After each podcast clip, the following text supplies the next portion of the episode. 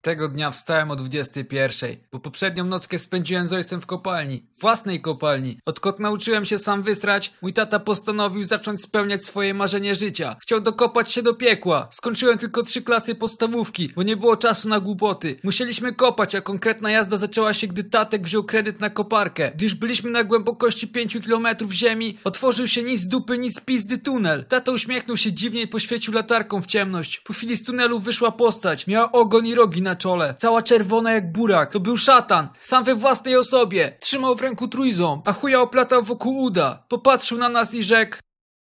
Idźcie stąd, kurwa. Wróciliśmy windą na powierzchnię. Zasypaliśmy dziurę i za sprzedaną koparkę otworzyliśmy własny warzywniak.